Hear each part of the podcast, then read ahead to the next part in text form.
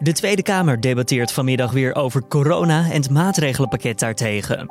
En ook de Fransen zetten zich schrap voor een mogelijke nieuwe lockdown. President Macron spreekt vanavond het land toe om 8 uur.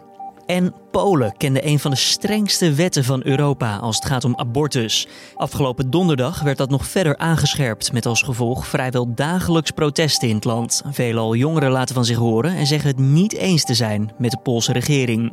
Dit wordt het nieuws. Die worden veel leider en die, uh, het, gebruik van de taal wordt natuurlijk ook uh, uitvoerig besproken. Want voor het eerst, uh, ik denk in de geschiedenis van die soort protesten, wordt echt een hele grove taal aangemeten tegen de regeringspartij. Zo praten we hierover verder met Iwona Gusk, Poolse cultuurhistoricus verbonden aan de Erasmus Universiteit. Maar eerst kort het belangrijkste nieuws van nu. Mijn naam is Julian Dom en het is vandaag 28 oktober. De 33-jarige man die vorige week is doodgeschoten in het Amsterdamse stadsdeel Nieuw-West is mogelijk voor iemand anders aangezien. De politie vermoedt dat het ging om een gerichte liquidatiepoging op mogelijk een ander slachtoffer. Wel wordt er nog rekening gehouden met alle scenario's. Het slachtoffer werd s'nachts bloedend op straat aangetroffen, gereanimeerd en in het ziekenhuis geopereerd, maar kwam later die dag alsnog te overlijden. Ajax heeft dinsdagavond een punt overgehouden aan de tweede groepswedstrijd in de Champions League tegen Atalanta. De ploeg van coach Erik ten Hag gaf een 0-2 voorsprong weg in Bergamo en speelde met 2-2 gelijk. Door het gelijkspel staat Ajax met één punt uit twee duels derde in groep D, achter Atalanta en Liverpool. Volgende week dinsdag neemt Ajax stop tegen FC Midtjylland in de derde groepswedstrijd. De huidige coronamaatregelen, waaronder de sluiting van de horeca, duren zeker tot in december. Dat zei minister Hugo de Jonge van Volksgezondheid gisteravond. Wat we zeker weten is dat de huidige maatregelen veel langer nodig zullen zijn dan die vier weken. En de verwachting is nu dat het in ieder geval nog tot in december zal duren. Het is dan ook zaak dat Sinterklaas en Sint Maarten in kleine kring gevierd worden, met maximaal drie mensen van buiten het eigen gezin. Over kerst wilde premier Rutte zich nog niet uitlaten. Dat valt nog niet te voorspellen, vertelde hij. Google doet niet alleen Zwarte Piet in de ban, maar ook alle alternatieve vormen, zoals de roetveegpiet. Dit omdat volgens het bedrijf sommige alternatieve vormen van Zwarte Piet nog steeds gebaseerd zijn op raciale stereotypes. Dat vertelt het bedrijf desgevraagd aan nu.nl. Er wordt nu één lijn getrokken om het beleid zo consistent mogelijk toepasbaar te houden. Het nieuwe beleid gaat ergens de komende weken in. Het Franse satirische weekblad Charlie Hebdo publiceert een karikatuur van de Turkse president Erdogan op de cover van het nummer dat woensdag verschijnt. De publicatie ligt gevoelig vanwege de oplopende spanningen tussen Turkije en Frankrijk. Na de aanslag op de Franse docent Samuel Paty twee weken terug kondigde Macron een strenger optreden aan tegen extreme moslimorganisaties. Erdogan sprak hier schande van en kondigde dinsdag een boycott van Franse producten aan, omdat Macron de islam vijandig gezind zou zijn. Dan ons gesprek deze woensdag. Een van de strengste abortuswetten van Europa is sinds vorige week donderdag nog strenger geworden. Er waren drie scenario's waarin abortus was toegestaan in Polen, namelijk bij verkrachting, bij gevaar voor het leven van de moeder en of als het ongeboren kind ernstige afwijkingen vertoont. Het overgrote deel van alle abortussen werd gedaan op basis van die laatste uitzondering. En die regel is nu geschrapt, waardoor er bijna sprake is van een volledig verbod. Het andere resultaat: protesten en demonstraties door vooral jongeren die het niet eens zijn met de wetsaanpassing, die in hun ogen meer kapot dan heel maakt. Ik praat erover verder met Iwona Gusk, Poolse cultuurhistoricus en verbonden aan de Erasmus Universiteit. Mevrouw Gusk, waarom heeft de regering nu toch besloten om ja, deze wetgeving verder aan te scherpen? Nou, die discussies in Polen over het aanscherping van de abortuswetgeving uh, duren al enkele jaren. Uh, er is ook een nogal sterke anti-abortus uh, lobby in Polen. op het moment die opereert eigenlijk ook in een globale context. En afgelopen week heeft een 33-tal landen, waaronder Polen ook, en Verenigde Staten, een document getekend uh, die heet Geneva Consensus Declaration.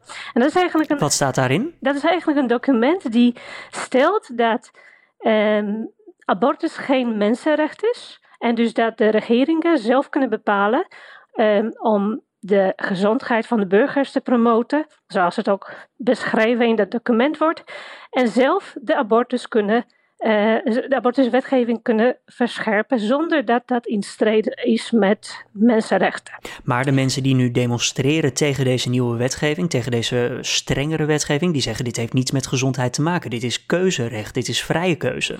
Ja, uiteraard. Maar goed, dit is dus een stukje internationale lobby die opeens heel zichtbaar wordt door de Poolse beslissing, de beslissing eigenlijk van het constitutionele hof in Polen, die afgelopen donderdag. Uh, dus eigenlijk na, dag na die internationale uh, Geneva-consensusdeclaratie uh, deze een verscherping van de wet heeft uh, voorgesteld. Polen kent uh, ja, momenteel dus een sterke st conservatieve regering. Is dit dan ook een juiste afspiegeling van de bevolking als we daar even naar kijken? Nou, dat is dus niet het geval. En eigenlijk is het vreemd dat de Poolse regering op dit moment tijdens de pandemie aandurft om soortgelijke controversiële kwesties aan de kaart te zetten. Want uh, uit de opiniepeilingen bleek dat ongeveer, bleek dat ongeveer 80% van de burgers dus geen verscherping van de abortuswet wenst. Dat betekent niet dat mensen pro-abortus zijn, maar ze zijn in principe pro-choice. Dus ze willen wel graag die, uh, die mogelijkheid in de wetgeving hebben. En vonden ze dan de wetgeving zoals die was goed? Of dachten ze van, nou, hij kon eigenlijk nog wel wat soepeler in plaats van strenger? Nou, ik denk dat de meerderheid van de Poolse burgers op dit moment, vooral de katholieken, uh, niet echt op versoepeling ziet te wachten. Uh, maar er is een groeiende uh, vrouwenbeweging, vooral in grote steden, maar ook daarbuiten, die wel graag een nieuwe voorstel wil indienen, waar veel meer liberale wetgeving op abortusvlak voorgesteld wordt. Nou, noemde u het net al eventjes, corona, we ontkomen er niet aan. In vrijwel alle berichtgeving speelt dat wel een rol. Komt het de PIS-partij dan nu ook goed uit qua timing dat deze wetgeving wordt doorgevoerd om misschien, ik noem maar wat, uh, even de, de aandacht af te wenden van de coronacrisis, die natuurlijk ook in Polen een grote rol speelt? Ja, uiteraard. Uh, die, die kwestie speelt ook een rol. En, en een aantal commenta commentatoren die zeggen, die benadrukken dat de regering simpelweg een controversiële wetgeving voorstelt. Juist om, uh, uh, om niet bekritiseerd te worden, de aandacht te onttrekken aan, aan de coronacrisis, covid-crisis. Maar tegelijkertijd Um, wat we nu in Polen zien is nogal uh, uh, verrassend, want de, de protesten die, die, die groeien met de dag. Elke dag komen meer mensen op straat. En natuurlijk is er een andere, uh, andere menigte, want ik zie vooral heel veel jongeren, tieners, middelbare scholieren, die nu deelnemen aan de protesten, als het ware namens de ouderen die thuis blijven. En dat is wel vrij opvallend. En die protesten, worden die ook steeds groter, eh, luider ook? Die worden veel luider en die, uh, het, het, gebruik van de taal wordt natuurlijk ook uh, um, uitvoerig besproken. Want voor het eerst, uh, ik denk in de geschiedenis van die soort protesten, wordt echt een hele grove taal aangemeten tegen de regeringspartij. En waar moeten we dan aan denken? Nou, de, de, de, de hoofdslogan van deze protesten is rot op.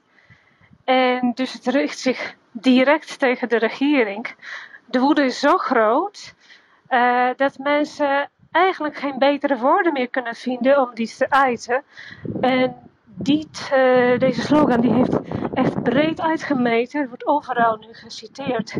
Ook door universiteitsprofessoren, uh, door natuurlijk jeugd op straat. Hè? En de slogan rot op, is die dan gericht op echt de overheid of de, op de regering of specifiek op bijvoorbeeld de president? Uh, nou, de regering, alles. Uh, iedereen die, die zich uh, bezig heeft gehouden afgelopen jaren met sleutelen aan die abortuswetgeving, met sleutelen aan het constitutionele hof. Van natuurlijk, dit hof is nu ook wel gevraagd vanwege de politisering van, van de leden van het Hof, van de rechters van het Hof. Uh, iedereen die eigenlijk bijgedragen heeft afgelopen jaren aan het, de veranderende politieke situatie in Polen. Dus dat is de regering en de coalitie die met de regering samen, dus de, de PiS-regering, zeg maar, de PiS-partij en de, de coalitie die uh, deze regering vormt. Moet de regering dan ook nog ergens bang voor zijn vanwege deze demonstraties? Uh, zou dit bijvoorbeeld nog teruggedraaid kunnen worden? Uh, u bedoelt de, de wetgeving? Ja. Uh, nou, de kwestie is dat zolang die uh, wijziging van het wet niet gedrukt wordt, dus, dus niet in de gepubliceerde vorm verschijnt, uh, zeggen de, de rechters, dan is het nog niet helder. Dus ook vandaag heeft de burgemeester van Warschau verteld dat ziekenhuizen in Warschau moeten gewoon doorgaan met ook abortusbehandelingen. Um, want die wetgeving, die afgelopen donderdag is uh, door het Poolse Constitutioneel Hof, nog niet helder is als zodanig. Wanneer kunnen we dat wel verwachten? Wanneer is het voor de regering helder op papier gezet en daadwerkelijk wetgeving? ik, denk, ik denk dat het nu een soort van spanning bestaat, want um, de regering zal waarschijnlijk misschien ook nog overwegen om hier iets aan te doen, om misschien nog een tweede instantie. Ik weet niet precies hoe dat rechterlijk eruit ziet, um, maar zolang ze dat niet gaan publiceren, is de wetgeving nog niet 100% helder. Maar lijkt het er dan ook op alsof de regering dus nu denkt van nou misschien moeten we moeten we toch ietsjes afzwakken. We hebben dit verkeerd ingeschat. We hebben ja, onze troef verspeeld.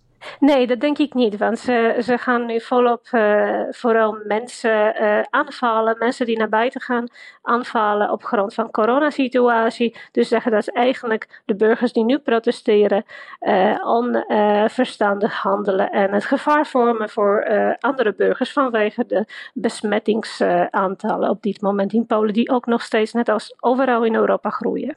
Deze regeringspartij probeerde het enkele jaren geleden ook al doorheen te drukken. Toen lukte dat niet. Eh, heeft u enig idee wat het verschil is tussen toen en nu? Waarom ja, het dus nu wel lukt? Ja, ze hebben nu een beetje een andere uh, strategie gebruikt. Want afgelopen jaren, ook dit jaar trouwens, in, in april hebben we dat gezien dat het parlement over deze um, nieuwe aangescherpte wetsvoorstel debatteerde.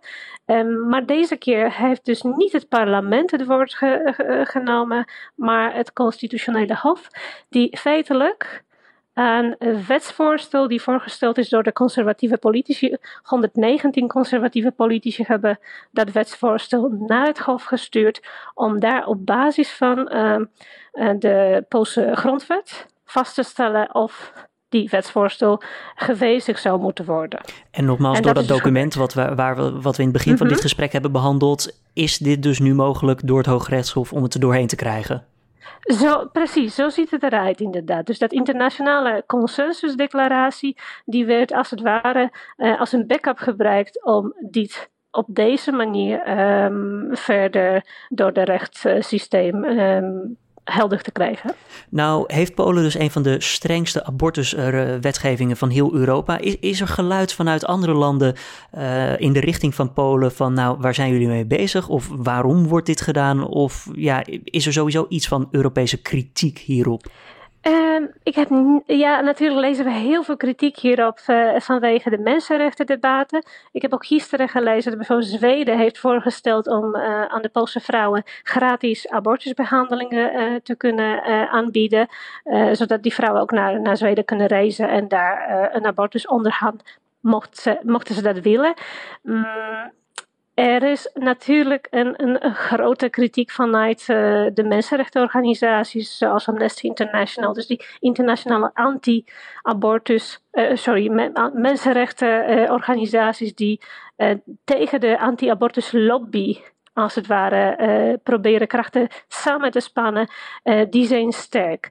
Mm, verder kan ik niet zo heel veel aan toevoegen, denk ik. Hey Gusk, ik wil je toch hartstikke bedanken en, uh, ja, voor deze toelichting. En we houden de situatie uiteraard nauwlettend in de gaten. Ja, dank u wel voor uh, het gesprek. Dan nog eventjes de nieuwsagenda voor deze woensdag. De Tweede Kamer die debatteert vanmiddag weer over corona en het maatregelenpakket daartegen. Deze ochtend praat RVM-baas Jaap van Dissel de Kamerleden alvast eventjes bij over de verspreiding van het virus.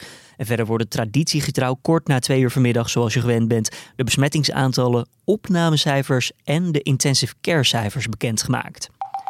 Verder zetten de Fransen zich schrap voor mogelijke nieuwe lockdown. President Macron houdt namelijk vanavond om 8 uur een toespraak. Gevreesd wordt dat het land vanaf donderdag een maand lang op slot zal gaan. Nu al moeten twee derde van de Fransen elke avond om 9 uur s avonds binnen zijn. En schilderij Fleur d'Anvers als ik het verkeerd uitspreek, excuus, van Vincent van Gogh wordt vandaag geveld in New York. Het werk komt uit 1890 en werd gemaakt kort na zijn aankomst in Auvers. Van Gogh maakte rond die tijd vele werken in kort tijdbestek en overleed trouwens hetzelfde jaar nog. De opbrengst van het werk zal naar verwachting tussen de 14 en 18 miljoen dollar zijn. Dan weerbericht. Daarvoor is hier Wilfred Jansen. Vandaag starten we met name landinwaarts met zonnige perioden. In de westelijke helft van het land valt vanochtend een enkele bui. Maar vanmiddag neemt overal de kans op buien toe. En dan pakken de buien ook een stuk pittiger uit. Lokaal is kans op onweer, hagel. En met name in de kustprovincies kunnen ook zware windstoten voorkomen. De temperatuur ligt vanmiddag op de meeste plaatsen rond 12 graden. En opnieuw wakkert de wind behoorlijk aan, want boven land komt een matige tot vrij krachtige zuidwestenwind te staan. En langs de kust kan de wind zelfs af en toe hard zijn. Dankjewel weer, Wilfried. En mocht je nou iemand kennen met het coronavirus, ja, dan moet je niet meteen denken dat die persoon zich niet aan de coronaregels heeft gehouden. Want al dus het RIVM in gesprek met nu.nl, zelfs als je je netjes aan de regels houdt, is en blijft er een kans om besmet te raken. Die kans zal nooit nul worden. Wel kan je het risico verkleinen door je aan de maatregelen te houden. Dat hebben we bijvoorbeeld kunnen zien in het voorjaar toen we ons massaal aan de nieuwe coronaregels hielden. Wil je nou meer lezen hierover en het hele interview met het RIVM uh, ja, inzien? Check dan eventjes nu.nl, de app of de website. Dit was dan de Dit wordt het nieuws ochtendpodcast van deze woensdag 28 oktober. Tips en feedback zijn natuurlijk altijd welkom. Podcast@nu.nl kan je daarvoor bereiken. Collega Carne van der Brink, die is er vanmiddag weer rond een uurtje of, uh, nou wat zal het zijn, half vijf staat de nieuwe middageditie weer op de voorpagina. En morgenochtend is de ochtendpodcast weer te vinden om 6 uur ochtends. Mijn naam is Julian Dom en ik spreek je snel weer. Tot de volgende.